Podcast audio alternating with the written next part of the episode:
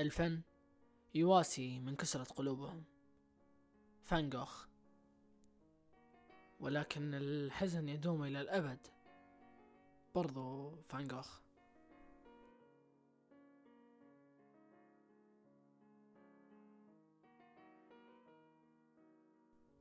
تخيل أنك في جنازة شخص تحبه. الهواء متخم بالصمت. ألم عميق للحد الذي يمنعك من التنفس. ألم يتحرك بداخلك ويخرج فجأة بعنف فتصرخ عاليا. شخص ما يمرر لك منديلا وآخرا يربط يده على كتفك وتنفجر أنت بالبكاء. الآن كأن فجوة داخل قلبك لن تلتئم أبدا. لكن ربما لا يجب لجرح مثل هذا أن يلتئم. لقد فقدت شخصا.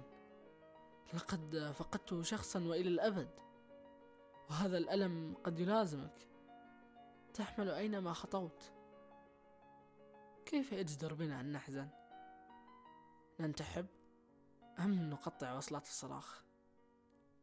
هل يجب علينا ابتلاع ألمنا سريعا؟ أم العيش معا لفترة؟ هل يكون هدفنا النسيان؟ أم إحياء الذكرى؟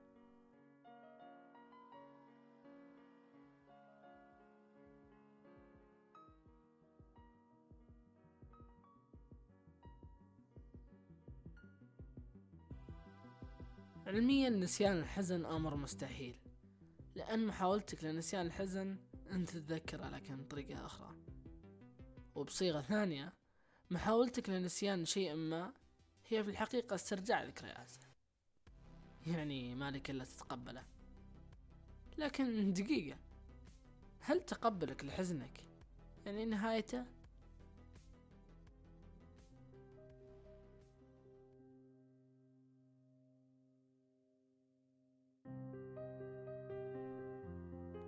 علميا التقبل ما يجي إلا بعد أربع مراحل. باعتقاد إليزابيث كوبلر في نموذجها المعروف بمراحل الحزن الخمس اللي هي الإنكار الغضب المساومة ويجي بعدها الاكتئاب ونهايتها التقبل. يعني عشان تتقبل حزنك تحتاج تعدي الأربع مراحل اللي قبله. وفي الأربع مراحل هذه غالبا ما ينقسمون الأشخاص لقسمين. قسم اللي يعبر عن حزنه وقسم اللي يكبت الحزن ويقمعه وهم عضلة الكبت والقمع للأسف هي الأكثر استخداما. بس لحظة خلونا نفرق بين الكبت والقمع.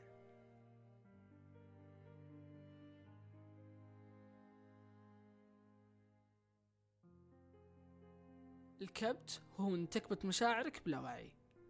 يعني مشاعر أنت ما تعطي لها بال بس عقلك الباطن يخزنها. أما القمع فنحن لا نود أن نزعج أنفسنا بمشاعرنا ولا نعرف ماذا نفعل حيالها فنقرر بقمعها.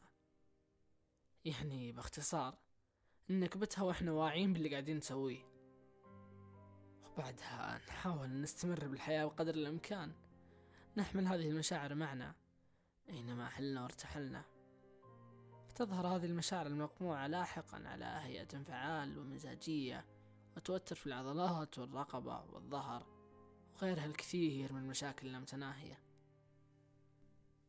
أما الأشخاص اللي يعبرون عن حزنهم غالبا ما يكثر تعبيرهم في المرحلة الرابعة من مراحل الحزن الخمس.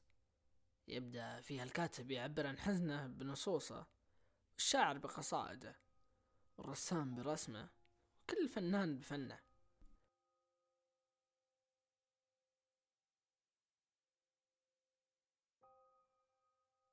رغم أن الكثير يظن أن التعبير أمر ممتع إلا أنه بعيد كل البعد عن المتعة. في مرحلة التعبير أنت قاعد تقلب المشاعر قاعد تخرجها بطريقة صحيحة.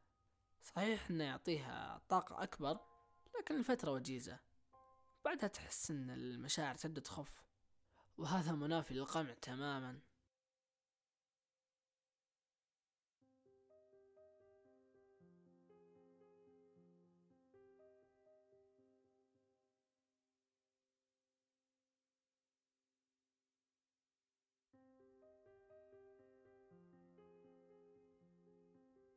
شكل الفن ثورة واهتمام من قبل الإنسان على مر العصور.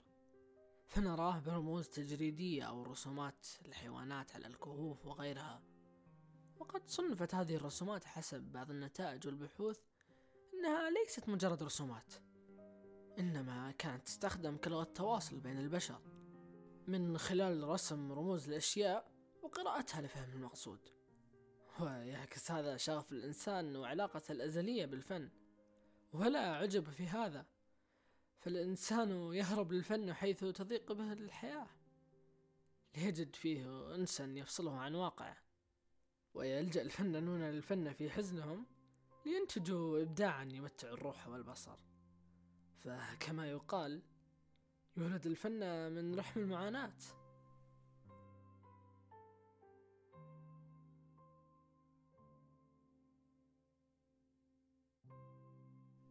طيب وش علاقة الفن بالحزن؟ يعد الفن من الوسائل المهمة للتعبير عن الحزن. ويعرف قاموس إكسفورد الفن بأنه التعبير أو التطبيق للمهارات البشرية الخيالية. وعادة تتمثل في شكل بصري مثل الرسم أو النحت أو إنتاج أعمال لتكون موضع للتقدير لجمالها أو لطاقتها العاطفية. وأيضا للحزن قوة هائلة وإثارة أكثر للانتباه. وعندما نشعر بالحزن تصل إلينا العاطفة من خلف الأفلام أو الكتابات أو الأغاني والمعزوفات والرسومات الحزينة أكثر. فنلجأ لها للمواساة لأنها تعبر عما نشعر به. فمن موج المعاناة يضاء لنا الدروب بطرق ساحرة للتعبير دون الإفصاح عن حقيقة ما نشعر به. وهذا فن القدرات العاطفية التي يستطيع الفن إنتاجها فينا.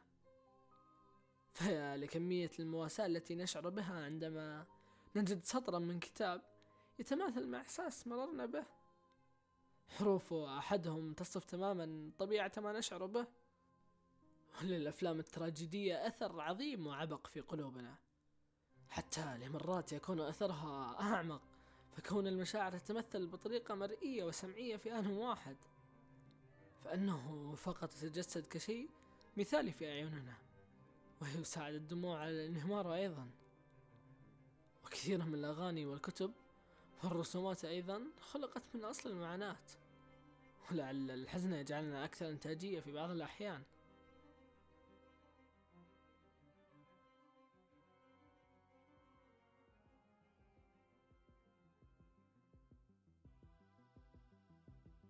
مارسوا فنكم أثناء حزنكم. كطريقة لتخفيف حزنك به.